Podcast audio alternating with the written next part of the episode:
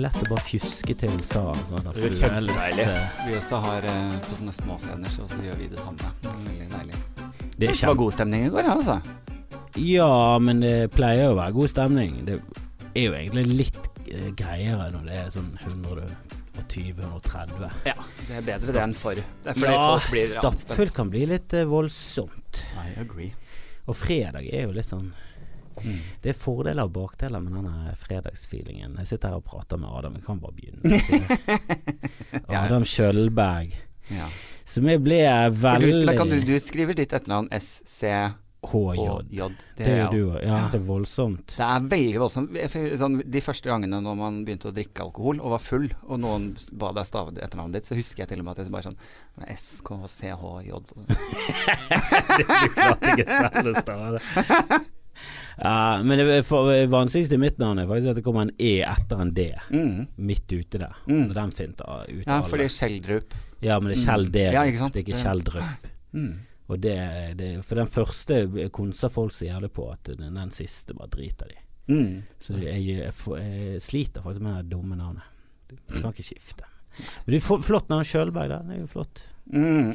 Ja. Mm. Og du er Er ikke du opprinnelig nordlending? Det er det Mm. jeg har følelse av at jeg Var, ja, det stemmer det. Og så eh, Jeg skulle til å si Skjølberg er for så vidt For jeg er jo egentlig opprinnelig fra Bodø, der navnet mitt kommer fra. Eh, Du er fra Bodø, ja? Fra byen eller fra utenfor? Nei, jeg er fra et sted som heter Kjerringøy, eh, og Bodø. Mamma er fra Kjerringøy, pappa er fra Bodø. Jeg er da født Jeg er født på Bodø sykehus. Ja. Så Men du vokste opp på Kjerringøy, en liten Ja, 50-50. Ja, Mm, mm. en sånn liten plass. Var det skilsmisse der, eller? Siden du sier 50-50? Eh, nei, men vi var på en måte mest eh, Jeg har jo mest tilhørighet i den familien, så var mest, vi var mest der. Men mamma og pappa skilte seg da jeg var tolv, men da hadde vi flytta sørover, til Sandefjord.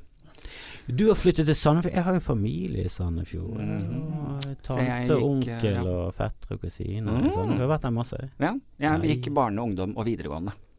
Ja, I ja, ja. Men det er, jo, de- det er jo egentlig ikke det det som er de viktigste. Ja, men det rare er at eh, Eller Eller har den nordlendingen blitt skapt, liksom, før du kom ned der? Så du Ja, for meg, jeg føler jo mye mer tilhørighet nordover enn til Sandefjord. Hvis jeg, altså hvis jeg skal hjem, så skal jeg nordover.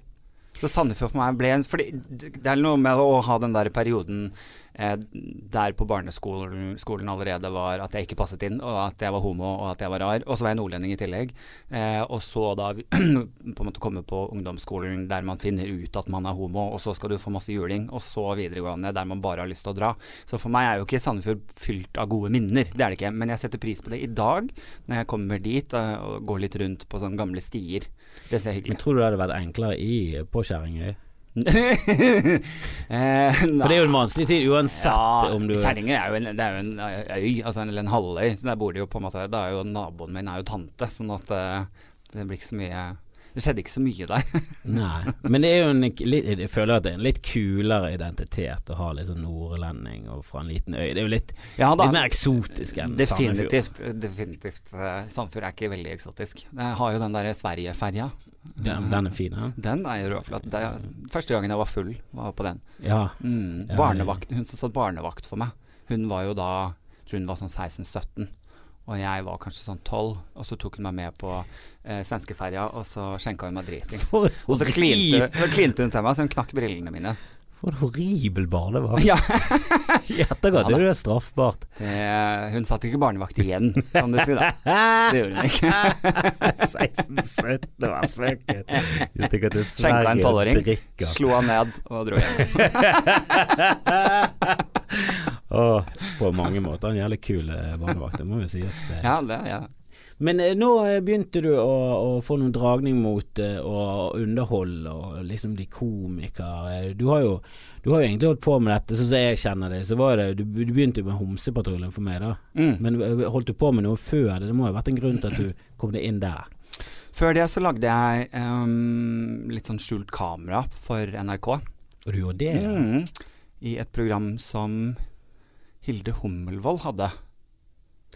Å ja, hadde, eh, var det sånn lørdagsunderholdning? Ja, Så og så hadde hun ofte tror, Venneprøven, tror jeg det faktisk Ja. het. Og så var det på en måte en kjendis eh, som hadde med seg vennegjengen sin. Og så skulle de gjennom masse tester for å se hvor godt kjenner du kjendisvennen din.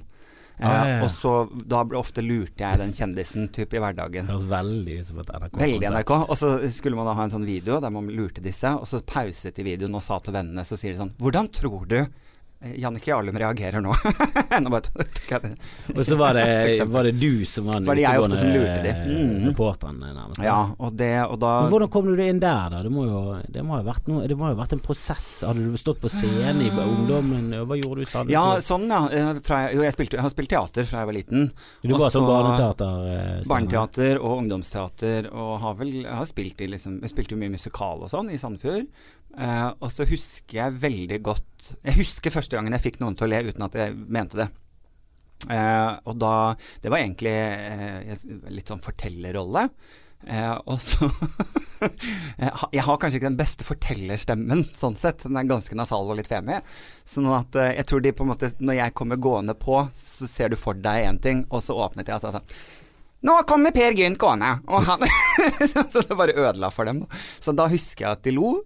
Du hadde Eh, ikke skjegg da? Da var du liten? ja, jeg, jeg fikk jo skjegg på ungdomsskolen. Men, eh, men ja, jeg husker at de lo, at jeg ikke helt hadde planlagt at de skulle le. Og så blir man jo Det blir jo som en high, altså en rus, den derre At det kvelden etterpå igjen prøvde å få de til å le, ikke sant. Ja. Eh, og, og kjente ganske tidlig allerede da at, at det Men da fikk du liksom likte. lyst til å Ja, å gjøre det. Og så etter hvert da ble det jo eh, rett etter Homsepatruljen. For meg så var Homsepatruljen veldig lite gjennomtenkt, fordi jeg var 21. Du er 21, ja, det er jo tidlig. Ja, Men du var eh, jobbet som frisør da? Hadde du mm. utdannet deg som frisør? Mm. Var ferdig, jeg tror jeg akkurat var ferdig utdanna frisør. Eh, og var så heldig at jeg hadde jobbet litt av TV, så jeg fikk en free pass på en måte litt inn i, inn i Homsepatruljen der. Eh, og så tror jeg nok for, for min del, jeg husker jo når vi skapte den Homsepatruljen, for jeg var jo med på å lage piloten. Og, eh, og jeg var jo alltid sånn Humoren er viktig, nå er det viktig å, nå skal det være homse på TV. Da er det viktig å få det norske folk til å le av homsene sammen med homsene. Så ikke le av, men le med. Og så må homsene bjuda på. Og det så man jo veldig på den amerikanske, at den funka fordi de var så stereotype. At, at de bare ja, bød på seg selv. Det var jo mest han lyshårete, litt lave Carson, Ja, Carson. eh, Han var jo veldig Mm. Så jeg gikk liksom rett inn i Carson-biten da, for å på en måte holde den der skrulleriet som norske Ja, du var folk han, du, du ble liksom Ble litt som han ja. eh, Mm. morsomste, da. Så, men jeg skjønte i en alder av 21, når man liksom står da og tenker sånn Dette må produseres sånn og sånn og sånn, så tror jeg jeg bare glemte helt at folk kommer til å tro at jeg også er sånn. Altså Jeg skjønte ikke poenget, altså reality, at det funker jo. Da tror jo alle at jeg er sånn, da. Så for meg som kom fra å være litt sånn r- rockemiljø og ha langt svart hår og litt tattiser og sånn, eh, og spilte på en måte denne rollen som Adam eh, i Homsepatruljen, ble veldig vanskelig for meg når det var ferdig at jeg skulle være Adam, og folk var liksom skuffa når de møtte meg, for jeg, kunne, jeg var ikke så skrullete som de ville at jeg skulle være. Prøvde jo selvfølgelig å leve opp til det, til det en stund, men, eh, men så krasjer jo det veldig. Så for meg var det kjempeviktig å gå langt bort. Jeg ville aldri gjøre TV igjen, eh, og ville, ville begynne med standup. Prøvde meg da, allerede den gangen. det husker jeg. Du Gikk mega til helvete. One Night Stand. Ja, ja, ja. Så, men ikke sant, det er den der man går på da. Sånn, jeg er morsom på fest, dette klarer jeg. Og så gjør man det, og så bare sånn Nei, det kunne jeg ikke. Så. Men hvordan gjorde du det da? For da, da bare gikk du rett derfra til at vi skriver et show, og så Ja. bare gikk du på premieren, vår liksom nesten første gangen du Mm. gjorde det. Mm. Ja. Og da var turneen ferdig booka. ja. Mm, Så du, var- ja, du, du, du solgte på navnet ditt, og så Mm, håpet du at det skulle bare Mm. Men det funket ikke. Nei. Nei, det kan vi Det skal vi Ja, det er si. ganske vanskelig. Det, du, nå føler jeg du gjør det på riktig måte. For du satte jo opp et show i Det var i fjor. Eller var det i forfjor? Nei, det var i begynnelsen Var i fjor, ja. ja. Mm, mm, januar i fjor.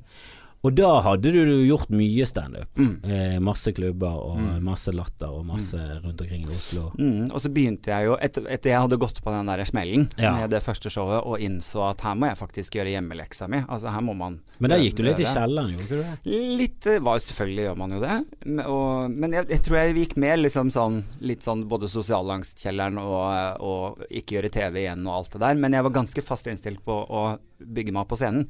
Så jeg gikk ganske fort i gang og satte opp eh, en revy sammen med Tore, der vi satte av en viss tid til standup på det Ja. showet. For du ble venner med Tore i den perioden rundt Homsepatruljen og i etterkant, Mm. da når du fikk en liten sånn Ja, rett etter Homsepatruljen. Tore og jeg var Tore, Når Homsepatruljen gikk på TV, så satt Tore på Mest TV eller Sonen. Det var sånn en Ja, han var interaktiv der. Ja, han var, ja, han var på. Sona. Mm, han og. Bjørn Henning. Ja, ja, han og Bjørn Henning jobba sammen. eh, så, så jeg har kjent Bjørn Henning siden da. Men eh, eh, det du kan si for Tore og jeg på hver vår kanal uten å kjenne hverandre, ble en slags vi representerte jo på en måte litt sånn den nye generasjonen homo på TV.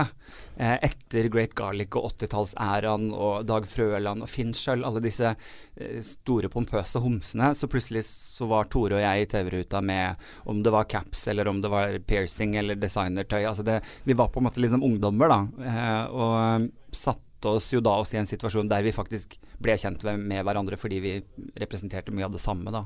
Eh, og hata hverandre dypt og intenst eh, før vi begynte å jobbe sammen på scenen. da. Men det er mange gode vennskap som starter med, med hat. Definitivt. Du, De beste jeg- jeg- vennskap. Jeg vil gå så langt som å si alle. Alle de gode starter med Ja, ja. en god dose hat og misunnelse, og så, så finner du ut at Det har jo sikkert noe med at du er litt lik, Mm. og da Absolutt. krasjer du litt, og så finner du ut av det til slutt. Mm. Men så blir du skikkelig gode venner med. Det er Tore Petterson, eh, Mm. han, eh, som du sitter i sofaen med. Og, Ja, sitter på Skal vi danse gjør han jo. Men det var jo ganske lenge etter dere begynte, for dere begynte vel å jobbe med den Adam og Tore eh, Mm. preker ut om den vanskelige tida, eller eh, Altså, snakker det- ut om den vanskelige tiden. Ja, jeg Ja. tror det var ett av showene. Det var vel Ja. ikke det første. Det første Det var ikke het det første. Um, det første het 'Adam helt uten Eva, men med Tore'. Og det var det første, og det ja. spilte vi i Drøbak eh, en hel sommer. Typ tre kvelder i uka spilte vi. Revy eh, og humor og litt standup.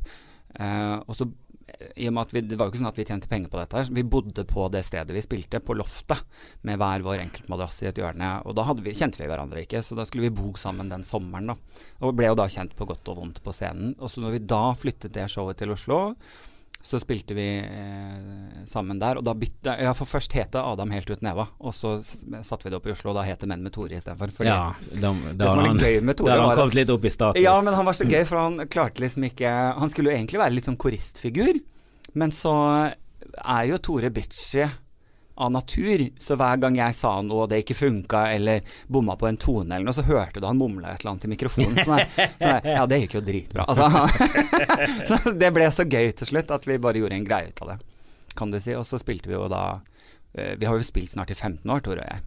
Og det var også litt sånn interessant, for jeg, eh, vi sto jo da spilte jo nesten fem år vi på Den gode kafé i Oslo, en liten sånn jazzaktig bule, der vi spilte i kjelleren hver onsdag i fem år.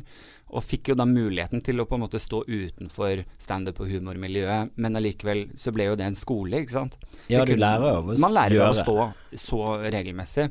Så det var ganske gøy for meg når jeg da, etter mange år Um, og egentlig var jo helt greit. Jeg, jeg husker jo fra begynnelsen på Gode kafé, når det kunne komme ti stykker, til siste kvelden vi spilte der. Der det, lokalet tok 80, det, jeg tror det kom 270. Altså det gikk jo ikke. Så, eh, så vi holdt jo på der. Og så ble jeg da invitert til å stå som nykommer på Latter. Ja. Og det var ganske gøy, for da hadde jo jeg allerede stått i Oslo i seks-syv år. Så jeg hadde fått syv minutter, og gikk da altså på scenen eh, på Latter, og de sa ja, dere får være litt greie med han.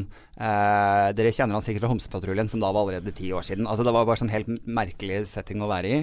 Eh, og så gikk jo jeg opp og, og killed it, rett og slett, på den nykommerkvelden. Og neste gang jeg sto på Latter, så var jeg headliner. Så det var Men det er Jeg har nettopp hatt en diskusjon om det der med For det, folk vil jo veldig ofte eh, fort rett opp på en stor scene. De vil Mhm. på Latter med en gang. Så har jeg sagt til noen at men det er faktisk litt lurt å være Det kan være like eh, bra å bare vente veldig lenge og egentlig være overmoden, og så gå på scenen, Mm. og så bare drepe fullstendig i forhold til alle de andre. For da blir du skikkelig lagt merke til. mm. Og det er jo deilig å liksom være i en sånn posisjon der du vet at Å, jeg, jeg, jeg har jo erfaring. Og så er det jo drit deilig å ha Hvis man finner en sånn liten scene som ikke er alles, på alles øyne og sånn, så er det jo dødsdeilig å kunne stå der og leke seg og bomme og feile, og så er publikum med deg fordi de kjenner deg og de vet hva de går til.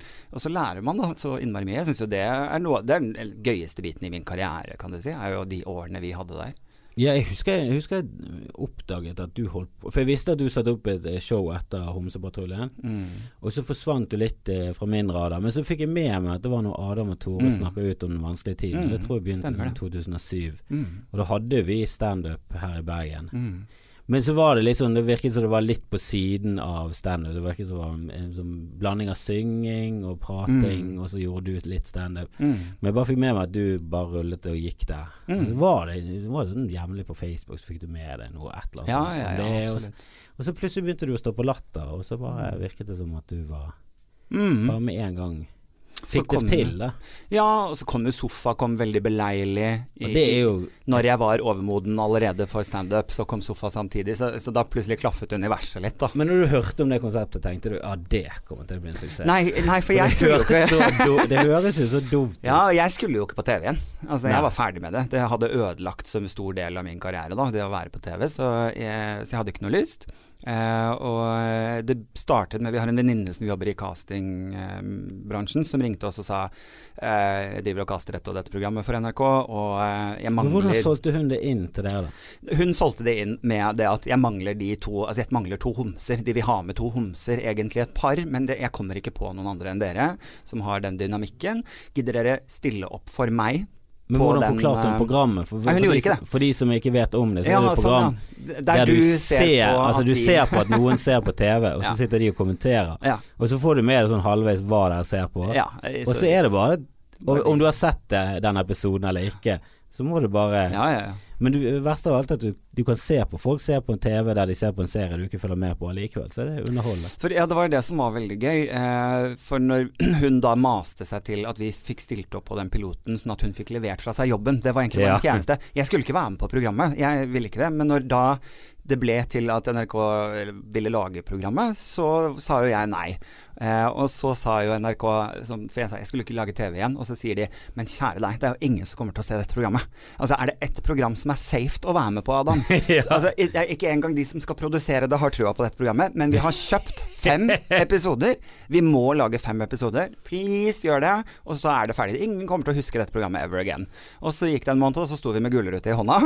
Var det gullrute? ja, ja, og bare så, jeg så på Tore og var sånn Dette var jo ikke for Dere to vant gull. Programmet vant da Ja, Sofa dere- vant okay. en gullrute, da.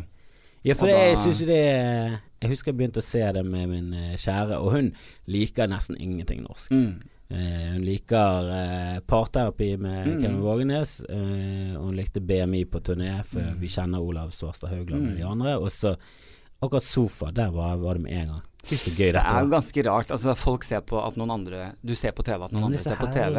Men uh, dynamikk mellom de forskjellige jeg tror veldig mange har også eh, Det er ganske ok å se et sånt program, fordi du får lov til å snike inn i noen andres hus. Og så får du kanskje til og med bekreftet at ja, de også er sånn. Vi også gjør sånn. Ja. Vi også har dyna i sofaen. Altså Du får bekreftelsesfaktor i tillegg til at du får snike litt.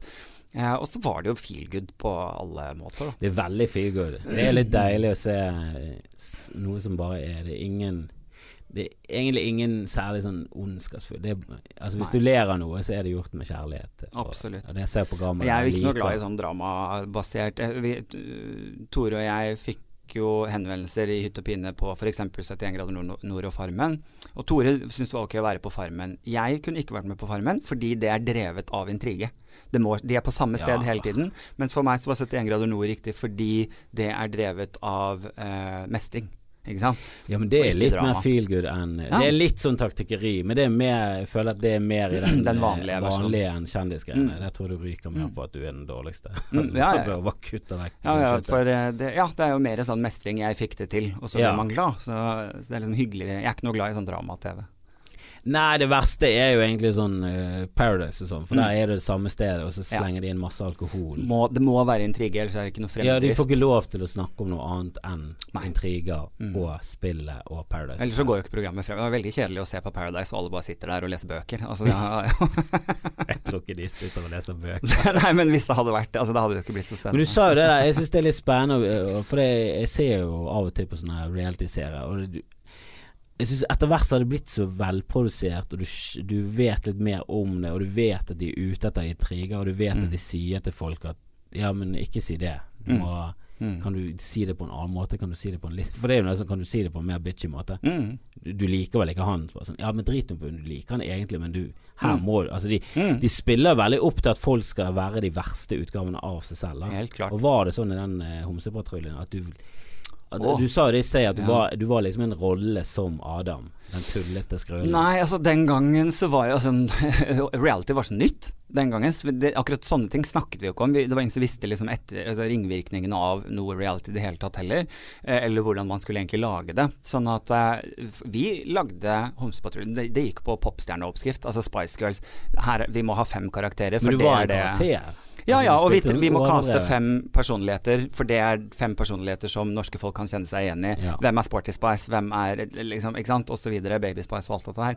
Så det var rett og slett tydelige roller for at det skulle være nok å kjenne seg igjen i, da. Men vi eh, Det var jo sterke personligheter, så nok av drama var det jo. Det vil jeg jo si. Eh, Men hvorfor fikk du så mye P Altså Hvorfor fikk du PS fra folk? For det, du var jo ikke noe sånn ondsinnet. Du var jo bare en Du skulle være en morsom ja, ja. Eh, Jeg fikk jo du, Når du blir så synlig, og du tar noe som kanskje fortsatt den gangen da var ikke helt stuereint, som homo fortsatt ikke er, og i hvert fall ikke da. Eh, men det begynte å bli det, og så, så får man jo satt ting på, på spissen, da. Så alle de som hater homser, fikk jo mer hat. Eh, de Ja, som var elsket det, det, de elsker det. så veldig mange synlige homser. Så Ikke sant? Og så i tillegg da så ble det jo en sånn uventa bit av det med, med at vi fikk jo ekstremt mye hat fra homsene. Ja, hvorfor Eh, fordi vi fikk jo mye sånn hatmeldinger på at du representerer ikke meg, jeg er ikke sånn femiskrulle som deg. Eh, Nei, jeg, nei, jeg vil være helt vanlig, jeg vil ikke synes. Men det var jo de som var helt vanlige også. I Det var jo det, men det er de var litt kjedelige. Ja da, og jeg pleier alltid å si, for det er jo selvfølgelig masse homser som kritiserer f.eks. homoparaden i dag, og sier sånn det, er så, det er fullt av skruller, og eh, jeg vil bare være normal, jeg trenger ikke den paraden, bla, bla, bla. Eh, og så prøver jeg å si, men det er interessant at du kan sitte og se en parade med si 20 000 mennesker, og så ser du de 500 i lærtruse, og så glemmer du å se at Amnesty går, politiet går, brannvesenet går, Sykepleierforeningen altså, du, du, du glemmer alle, Så sitter du bare og ser tangatruse. Det er jo mer i ditt hode, da. Og hvis man ønsker å gi et bredere bilde av eh, homo, så må du jo stille opp sjøl og gå og vise hvem du er. Ja, og så syns jeg det er litt rart når marginaliserte Mm. grupper som er liksom historisk litt sånn undertrykket, hakker løs på andre grupper. Men det er ikke det typisk minoriteter, da, fordi man må klatre?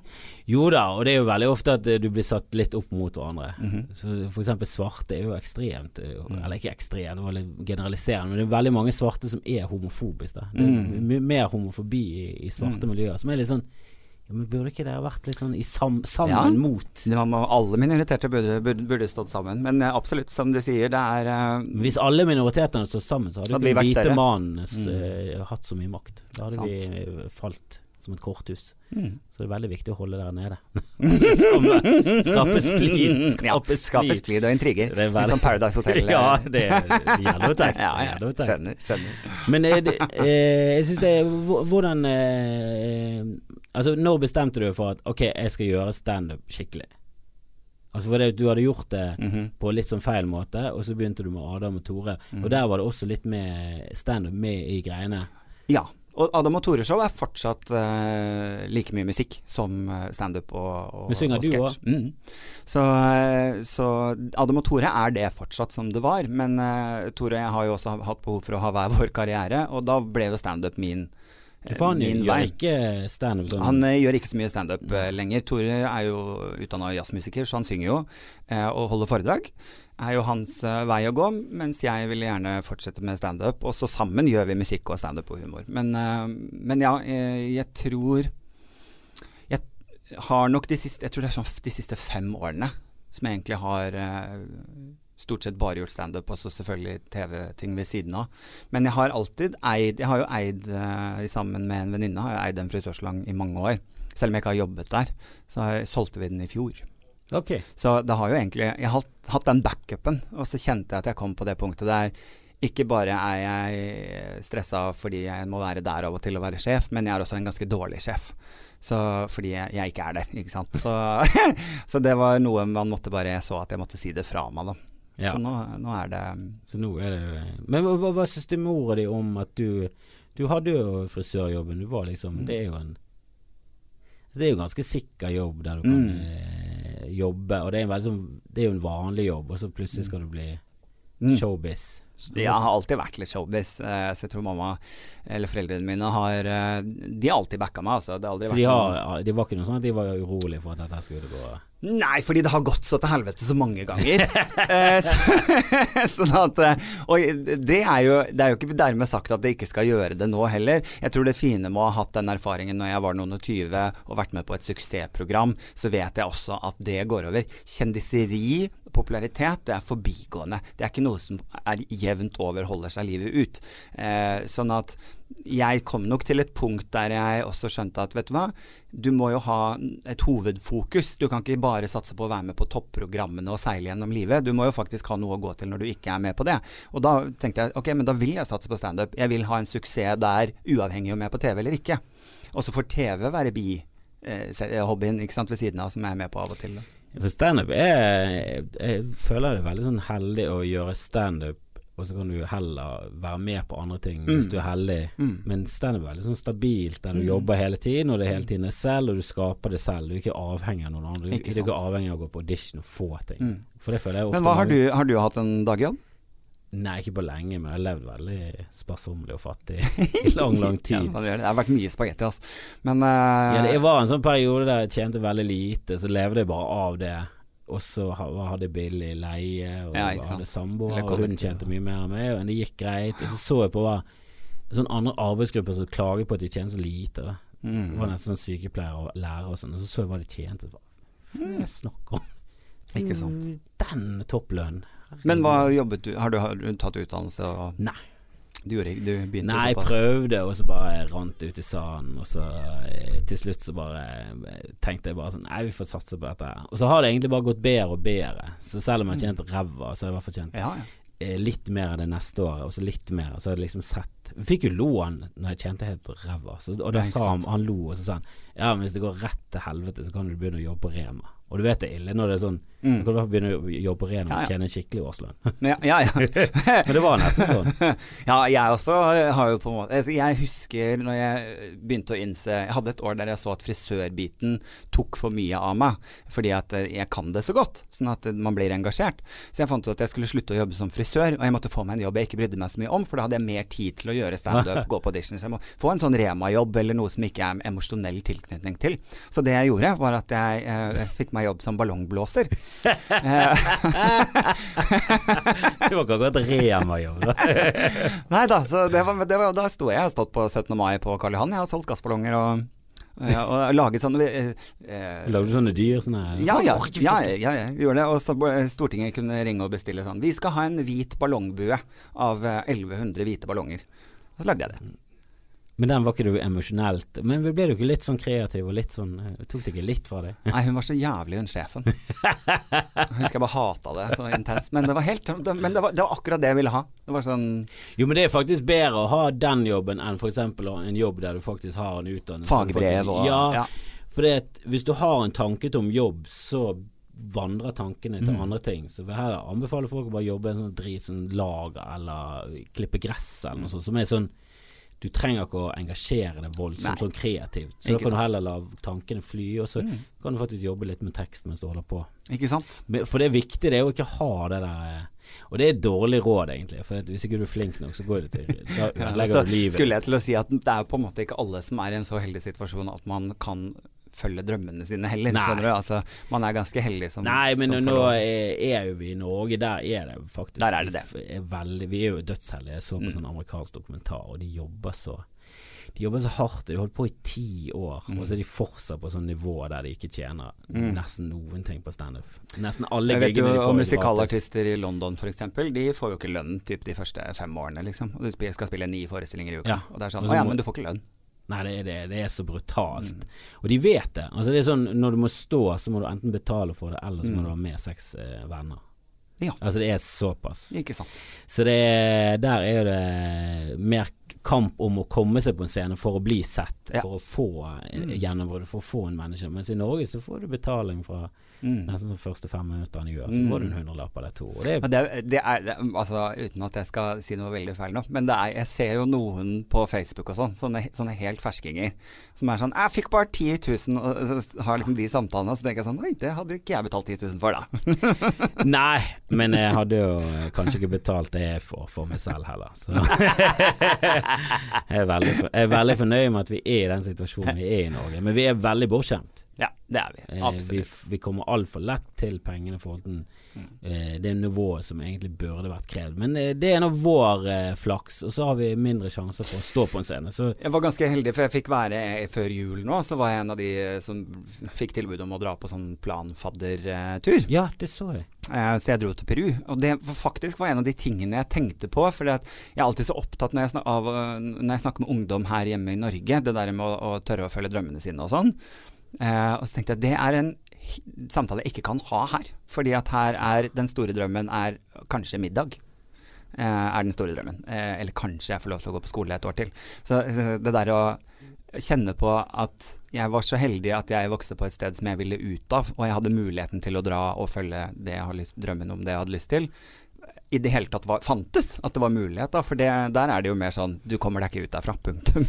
Ja, det er litt synd at mennesker tilpasser seg så grådig at du tilpasser det veldig at vi har det sånn i Norge, og da er det sånn det er. Så da blir det mer sånn du blir ulykkelig hvis ikke du klarer å fullføre den drømmen du har om å ha et yrke der du faktisk bare leker. Sånn, det yrket vi har nå, er jo egentlig Det er hard jobbing, men det er jo lek. Det er jo det. Altså, det definitivt. en lek. Absolutt. Og det er, noe- så det er jo ikke sånn at jeg skulle ta med meg forutsetningene i Peru hjem til Norge og leve deretter. Det skal man. Nei, man men det er jo synd at vi ikke kan sette mer pris på det. At Ja. vi ikke kan sånn hver dag bare våkne opp og sånn Åh, gud så velsignet vi er.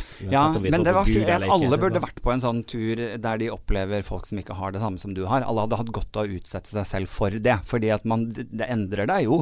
Altså i, i forhold til eh, Som sagt, du skal ikke ta med forutsetningene der hjem hit, men du kanskje kan sette litt mer pris på hva du faktisk har, da. Ja, det er litt rart, for jeg har tenkt på det. Jeg gjør jo egentlig ingenting for å hjelpe eh, Mm. barn i Afrika, eller mm. gå ned i, i Syria og kjempe. Altså, jeg, jeg gjør jo ingenting for, at, for å hjelpe de som har det verst, og det har jeg aldri egentlig gjort heller.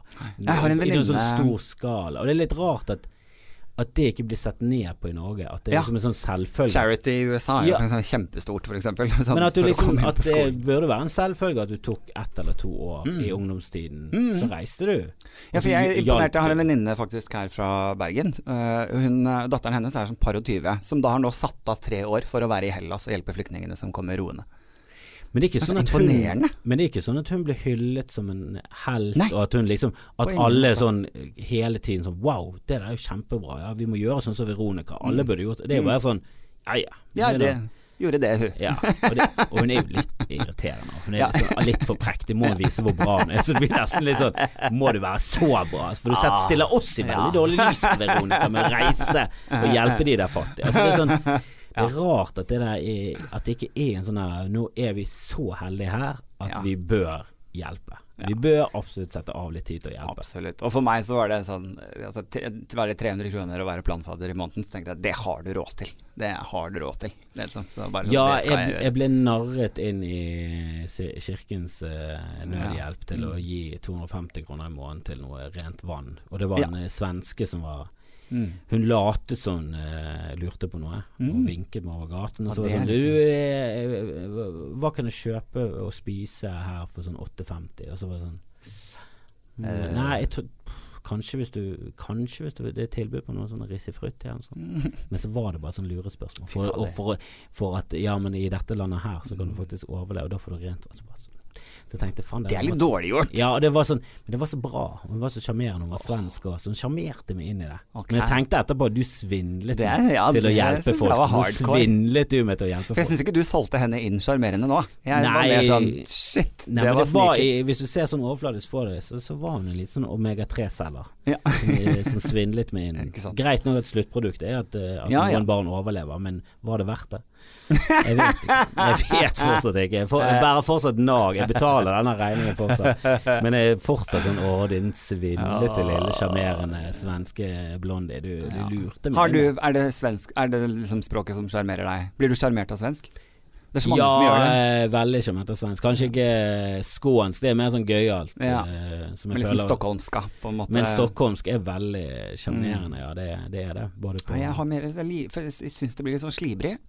Eh, jeg kan like bor, i, dansk, du liksom. bor i Oslo, det er en helt annen tilnærming til svensker i Oslo Ja. enn det er i Bergen. Vi har liksom ikke hatt den enorme armadaen av svensker i Det var liksom Det var ganske mye svensker på det hotteste, Mm. men det er aldri nær. På det hotteste? Når Bergen var på det hotteste? Nei, når den svenskebølgen du husker jo denne tiden når det bare var i absolutt alle utesteder i Oslo. Ja, ja, ja. Det var jo svensker. Det var jo knapt eh, nordmenn der. Mm.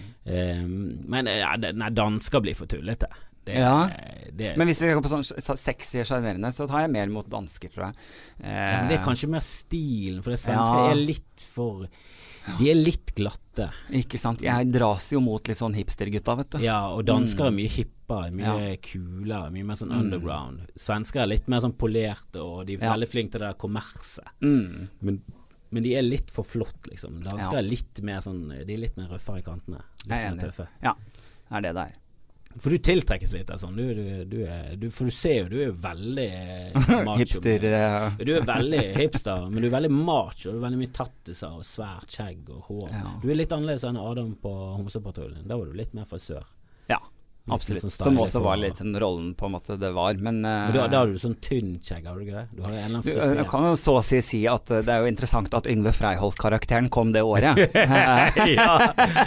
som, det den som Adam var i Homsepatruljen. Uh, men, uh, men ja, jeg har jo alltid hatt veldig sånn kraftig skjeggvekst. Da, så jeg har men jeg har, jeg har egentlig alltid vært veldig sykt glad i bart. Jeg syns bart er jæskla gøy, liksom. Det er, og jeg har hatt snurrebart òg. Svær snurrebart hadde jeg i mange år. Men det er så mye jobb. Altså, fordi med, hvis du går i dusjen, så kommer du som sånn trist kung fu. Eh, så du, du må liksom snurre deg opp hver morgen, da.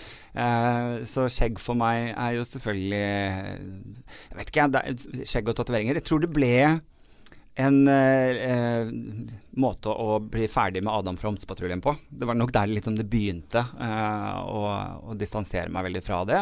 Samtidig som det er eh, Det er jo sykt komfortabelt og sånn, eh, å slippe å tenke så mye på det. Men, eh, men ja, jeg tror jeg sier Ja, skjegg. Skjegg er ganske lett. Ja, det er faktisk det, Folk syns alltid det. Du er så grooma, det er så mye greier. Men det er jo faktisk veldig lite å gjøre. Altså, det er superenkelt, liksom. Ja, for hvis du ikke skal ha skjegg, så må du faktisk gjøre noe med det hele tiden. Mm. Hvis du skal ha skjegg, så Men så er det veldig Det er så, sånn uh, greie, er at eh, alle hipstere sier at jeg har det fordi det er så lettvint. Altså det er, det er en hipsterting å svare, da. Så, da så for Men egentlig så Nå er jo du en gang en hipster, da. jeg er, jeg er jo hipster. Hvor, Jeg, hvor bor du hen i Oslo? jeg bor midt på Grünerløkka, i Torvald Meyers gate. Hovedåren på Grünerløkka bor jeg selvfølgelig. Det er jo eh, Ja, og jeg håndbrygger kaffe hver morgen.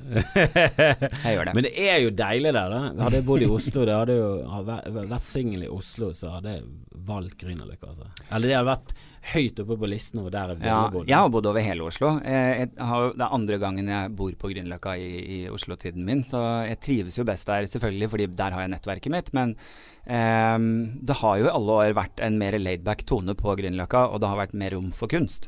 Eh, ja, Altså, deilig med parkene og trikken. Veldig, men det har du på Majorstua òg, skjønner du. Sånn at jeg tror hoved, Det rare nå er jo at Grünerløkka i dag er jo så å si dyrere enn Majorstua å bo på.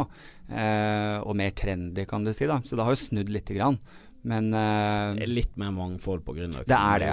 Og det er litt, uh, ja, litt mer avslappa stemning. Så liker jeg. Tror McDonald's på Jordstuen er det eneste som, eh, som McDonald's tok inn, og så er det nesten bare hvite som jobber der. Det blir litt sånn Veldig. Oi, herregud. Åh, jeg, jeg bodde jo på Majorstua, og da var jeg så mye på den McDonald'sen at eh, hun begynte å si sånn 'Det vanlige'. Og da husker jeg at jeg tenkte sånn Kan jeg ikke gå hit mer? Jeg kjenner noen som bodde over den McDonald'sen, Mm. to-tre etasjer over, Mm. og de ringte ned, og så satte de ned en kurv. Ikke og så kom de ut med måltid, så la de, og så dro de opp. Mm. De var er bergensere som eh, drakk mye og koste seg. Ja. Og de hører veldig hjemme på Majorstuen. For er du fra Fana, så De fleste sant. fra Fana bor på Majorstuen og Frogner. Mm. Der blir liksom Grünerløkka Det blir litt for voldsomt. Ja, Det ikke sånn- sant. Jeg syns det er så rart, for folk kan si det fortsatt. Bare sånn 'Å, du bor på østkanten, ja'. Kan de finne på å si det? Så det er rart. Jeg kjenner en venninne, hun bodde i Oslo, og så var hun der. eh, Og så snakket hun med tanten som er fra Oslo, og så sa Mm. hun eh, hun var, hun var på Grünerløkka, og tanten hadde lyst til å komme over da og Mm. besøke henne. Mm. Og da var det sånn Nei, der har jeg aldri vært. Der, Nei, ikke sant. tør jeg lett. Det er for Det er skummelt. Ja, det er skummelt, Mm. og der blir du knivstukket. Jeg har blitt rana to ganger i Oslo, og det er begge gangene jeg er på meg i. Er, Hvis du skal rane noen, reis nå der. ja, ta, dra på Frogner. Høyst Altså, sannsynlig så møter du noen som har litt. Grünerløkka gjør det veldig, kan du bomme veldig. der kan du bomme ganske mye. Definitivt. Men jeg, jeg trives veldig godt på Grünerløkka. Men man må si det at uh, det er finere enn nå, og det er mye tryggere enn nå enn det var for sånn Mm. fem år siden. Det er helt riktig. Den i hvert fall nedre delen av Grünerløkka har Ja, blitt veldig pussa opp. den har de litt pusset veldig opp, og så har de fått mye lys langs elven. og Sånn. For jeg Mm. husker det var Ja, man skal ikke gå langs Akerselva om kvelden, sa man jo før. Ja, Eh, Ja ja, men ikke nå det. er det som å gå i et eventyr. Ja, ja, ja. Så magisk. Du føler du er en sånn romcom. ja, når du går der med lyset. Ja, ja, ja. Er Vakkert. Nydelig. Og for sånn 20 år siden så ble du knivstukket av fisk. Det, den ja, ikke sant. Hvis det var fisk. Og nå har de satt ut fisk der òg. Nå er det sånn fisketing. Jo, men de var jo på vei opp med fisk, og så var det den der gjøken på et eller annet som bare åpnet en kran, og så bare Oi, det var ren gift. Så var døde all, all fisken sin. Liksom brukt sånn 20 år på å få frem. Godt jobba. Men du trives i Oslo, da? Jeg gjør det. Eh, jeg vet ikke om jeg har sånn bilde i hodet at jeg kanskje om en gang når jeg blir gammel, eh, om jeg ser for meg at jeg bor eh, på Kjerringøy. For jeg er jo en sånn Jeg går jo ekstremt mye fjelltur. Og jeg reiser når jeg drar på ferie, så er jeg jo aleine i fjell. Du gjør det? Du reiser alene? Ja. Jeg er alene i fjellet, og gjerne oppe i en uke, to uker alene. Med det, Tore? Tore får du ikke. Du får så vidt Tore med i park på Grünerløkka, fordi der er det trær og gress. Ja. Og det er det verste Tore vet, så det, det kan du bare drite i. Men eh, Så Tore liker jo å dra liksom London. Han liker byferie, mens jeg er Er jo han gjerne fra eh, Oslo? han? Nei, Tore er fra Drammen, så han kom. Ja, fra Drammen. ja, men det er noe by. det er by. Det er skikkelig by, da. Nei, så mitt neste mål nå sånn Jeg driver og snuser litt på Alaska, og så driver jeg litt og snuser på Colorado, og selvfølgelig sånn Rocky Mountains-aktig. Oi, oi, oi. Mm. Men hva er planene fremover med, med, med karrieren? Du har jo, eh, spiller du fortsatt showet ditt mellom barken og feen? Det gjør jeg sånn innimellom. Jeg er i utgangspunktet ferdig, så det er mer sånn etterslepet, kan du si. Fordi eh, Nå skal du begynne med et, eh, altså, Jobber du mot et nytt et? Det er vanskelig å si. Jeg eh, skal gi ut bok i år, så jeg egentlig sitter jeg og skriver bok akkurat nå. eh, Og, og koser meg med å gjøre litt klubb igjen, for det er jo over et år siden sist jeg har gjort klubb. Så, Men bok har du fått kontrakt, og du må eh, deadline Ja. pakken? Mm. Hvordan er det, da? Det rareste var egentlig For jeg vet ikke om jeg helt var til stede Jeg tror jeg var litt fyllesyk eller noe da jeg var og skrev under den kontrakten. Så jeg husker at jeg liksom så på den kontrakten, og så står det 'forfatterens underskrift' her. Og så tenkte jeg sånn Det er tull! det er tøysete. Så, så det føltes jo kjemperart. Men, eh, men det er en bok som har lagt deg ganske lenge. eh, som egentlig det, eh, 'Mellom barken og feen'-showet er et resultat av også bokideen, kan du si, men i standup-format. da Så boken blir jo ikke, i, ikke en humorbok. Eh, så eh, ja, ja, er det fiksjon, eller er det biografi? det er en eller? eh, bok om maskulinitet. Okay. Så så, ja. Mm. det er dine betraktninger rundt De Ja, og så har jeg et par Jeg skal skrive noen kapitler uh, sammen med to forskjellige psykologer, f.eks. Og gå litt ja, så det er litt sånn research Mm. og skrive liksom om Definitivt. maskuliniteten gjennom historien. For jeg syns den er veldig fascinerende, for det er så Mm. Det er så mye nos òg i gamle dager, så blir det liksom satt som en sånn Ja, det er helt feil, og det, det er så Mm. femi, og det der er helt Og så er det sånn Men for 20 år siden var jo dette Mm. helt greit. Mm. Og 20 år frem i tiden så ser de helt annerledes Altså, Husker du når Beatles kom, sant? Med det Mm. håret jeg, Mm. jeg husker ikke, jeg er ikke så gammel, men jeg har jo lest at når de kom, så var liksom håret litt ned på ørene. Ja, ja, Så var det sånn var det skandale! De var jo. Ja, de var kvinnemennesker og ha og stein, de var. Det er jo det, For det, det er akkurat det du sier der. Maskulinitet blir jo ofte definert eh, som en motsetning til femininitet. Og det trenger det jo ikke gjøres. Altså, Nei. det er jo to forskjellige ting, så det trenger ikke defineres ut ifra den andre. Eh, det kan være noe helt eget uten, uten andre også. Så, eh, og, og så er jo maskulinitet flyktig i forhold til, som du sier, eh, gjennom tid, og også gjennom kultur. Eh, I Pakistan er det helt vanlig å leie, f.eks. Far og sønn å sove sammen og leie, leie hender. Eh, drar du til Italia, så er jo maskulinitet noe helt annet enn det det er i Skandinavia, og i hvert fall da i Norge. Og det det egentlig betyr, er at det fins ikke noe regel. Det er ikke noe fasit på hva Nei, nei, maskulinitet nei. er. nei Så- det, jo, det er veldig flyktig. Så da kan man jo også si at ok, men hva er de rammene hva, Den boksen jeg har fått tildelt som sier 'sånn er det å være mann'. Skal, sånn skal det være, sånn er det i Norge. Eh, I og med at det egentlig ikke er noen regel her, så vil jeg da ta den boksen, og så vil jeg ta ut alt innholdet, og så vil jeg se hva vil jeg kaste her, og så vil jeg fylle boksen på nytt da med Fordi maskulinitet i mitt liv det å leve opp til å være han, gutt i klassen, det å være mann, har gjort mer skade for meg i mitt liv enn det har vært positivt. Ja, det er litt rart at det må være noen regler når du sånn historisk vet at det veldig, mm. skifter veldig. Da, og mm. Piratene gikk liksom sminket og med langt hår, og så skal det liksom være totalt Hvis du går tilbake eh, altså, til, altså, i, krig, i, gammel krigstid, hvis du går sånn kjempelangt tilbake òg, eh, så eh, var jo f.eks. menn spirituelle bånd mellom menn, og også fysisk, platonisk, ikke seksuelt, bånd mellom menn, var viktig fordi du skulle i krig sammen. Det var viktig å, å, med nærhet og, og ærlighet og, og, bonding, da, kan du si. Eh, for, men det er også fordi spiritualitet var mer ansett som noe viktig den gang. I dag er, lever jo veldig forskningsrapportkultur, sånn at i dag er spiritualitet også blitt mindre viktig. da, Og dermed også kanskje forsvunnet litt det der med viktigheten av uh, å knytte bånd. da. Men det er utrolig hvor mye følelser og hvor sterkt folk eh, Jeg tror all som eh, hat og sånn kommer fra frykt. Det, at det, er et eller annet noe eh, ukjent. Uvitende. Men jeg syns det er rart med det nye at uh, det kjønnsbegrepet blir veldig visket ut, og også veldig videre. Og at mm det er mye flere grupper som får lov til å komme frem. Mm. Uh, og, så, og, det gjør jo du både narr av og sikkert uh, ja. løfter frem òg, for det er, jo, mm. det, er, det er, jo, morsomme aspekter med det. Definitivt. Og alle må, lov, alle må, tåle å bli gjort narr av. Ja, ja, det er veldig viktig. Men det er så rart at folk liksom blir, blir sånn krakilske. Mm. Sånn, du, jeg vil helst at du kaller meg eh, dem. Og så ja. får jeg sånn mm. Nei, det, det, nekter jeg. Ja. Setter seg på bakbeina. ja. Og, ja, hun, og, hun, vil bli kalt hen. Og så ja. sånn Ja, men det er jo han det er han ja. eller hen. Altså, kan ikke du bare kalle altså, er, det så, ja. er det så jævlig viktig for deg hva hun eller han mm. eller hen vil at du skal si? Ja. Altså, skjønner ikke. Det er veldig voldsomt. Det føles veldig voldsomt, men jeg tror for min del så har jeg jo måttet innse at problemet her ligger jo da hos meg, ikke sant? Som, som setter meg på bakbeina og sier hvorfor, altså det du sier nå, da. For det fine med å kaste inn en haug sånne nye begreper, er at du egentlig ikke bare lager flere begreper, men du sprenger hele boksen. Altså du bare sier 'dette betyr ingenting'. Ja, og jeg er ikke noe bedre enn alle andre. Kun kulturelt. Jeg husker jeg var veldig sånn Jeg satt meg litt på bakbeina da det plutselig var sånn du skal ikke lenger si neger. Mm. Da var jeg veldig sånn Hvorfor ikke det? Jeg mener ikke noe mer Altså Jeg hadde akkurat den samme argumentasjonen, men så gikk det liksom et par dager, litt uker, og så var det liksom Men hvorfor, hvorfor, skal jeg kjempe så jævlig for å bruke et ord som ingen liker, da? Forandring er aldri eh, Det er jo aldri lett. lett. Er aldri, forandring er aldri lett. Og jeg hadde den der diskusjonen der hadde jeg med mamma, ikke sant. Altså med bruken av ordet neger, da. Eh, ja, og setter seg på bakbeina, og det var det ordet vi lærte. Eh, vi mente aldri noe vondt med ja, det. Sånn er det, ikke sant. Og så, ja, men til syvende og sist hvis den som syns det gjør vondt at du sier det, sier at det gjør vondt, så må du jo la være å si det. Det er jo ikke opp til deg å bestemme at du skal fortsette å si det. Det er det samme når folk sier soper til meg.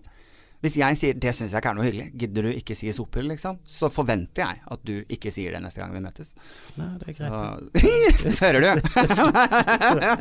Men det var veldig Jeg syns det har vært utrolig hyggelig at du kom til Bergen. Nå skal du stå på en stas. full eh, Riks, egentlig litt for full. Så jeg mm. håper du koser deg. Det var veldig koselig å prate med deg. Jeg må stikke. Ja, det er veldig hyggelig. Veldig hyggelig, og vi treffes sikkert rundt omkring. Det gjør vi. På Latter eller noe ja. sånt. Hils Tore. Det skal jeg gjøre. og kommer det mer sofa? Aldri. on.